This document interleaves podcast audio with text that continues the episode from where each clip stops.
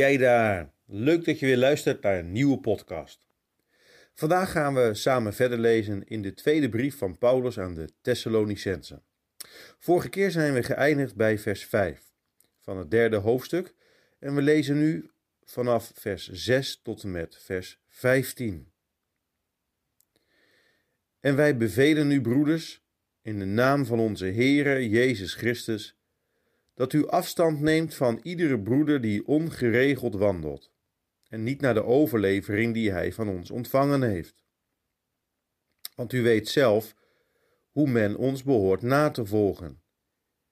Wij hebben ons immers niet ongeregeld gedragen in uw midden, en wij hebben bij niemand brood gegeten voor niets, maar met inspanning en moeite werkten wij nacht en dag om niemand van u tot last te zijn. Niet dat we de bevoegdheid niet hebben, maar wij handelden zo opdat wij onszelf voor u tot een voorbeeld zouden stellen om ons na te volgen.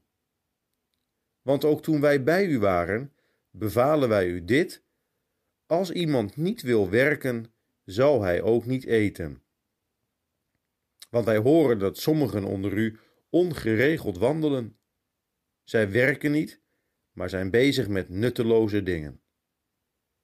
Zulke mensen bevelen wij en sporen wij namens onze Heer Jezus Christus aan, dat zij in alle rust aan het werk gaan en hun eigen brood eten.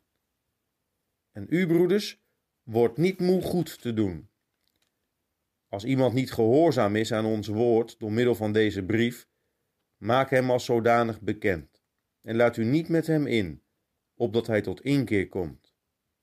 En beschouw hem niet als een vijand, maar wijs hem terecht als een broeder.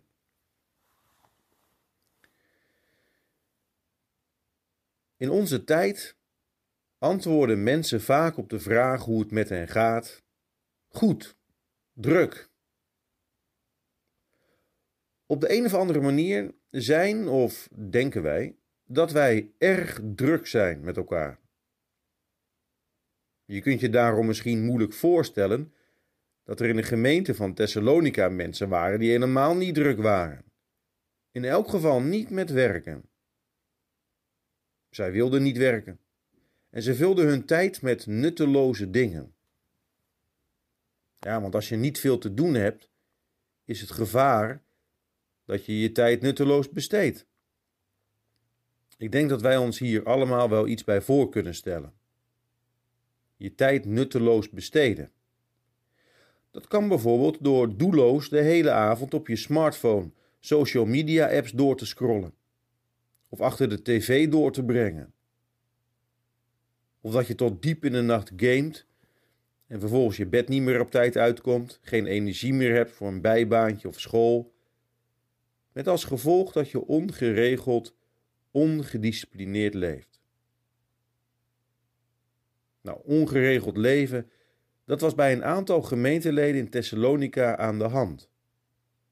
Zij leefden ongeregeld omdat ze niet wilden werken. En de tijd die ze daarmee over hadden, die gebruikten ze door zich te bemoeien met zaken die hun niet aangingen.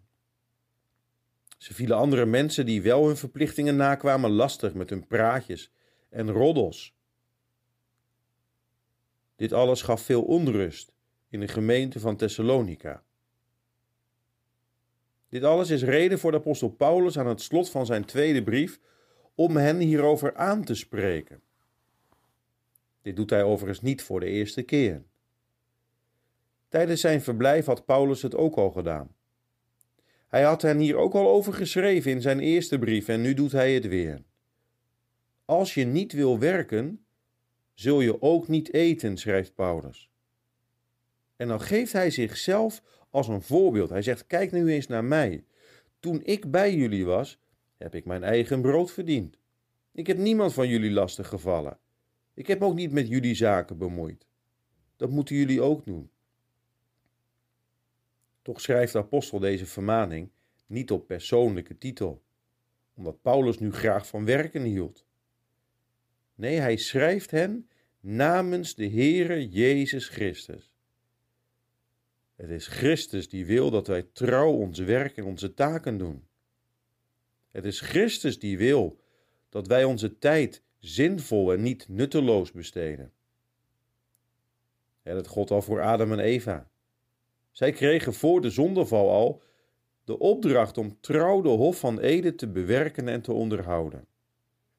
Nou, zo moeten ook wij trouw ons werk en de taken die God ons geeft uitvoeren.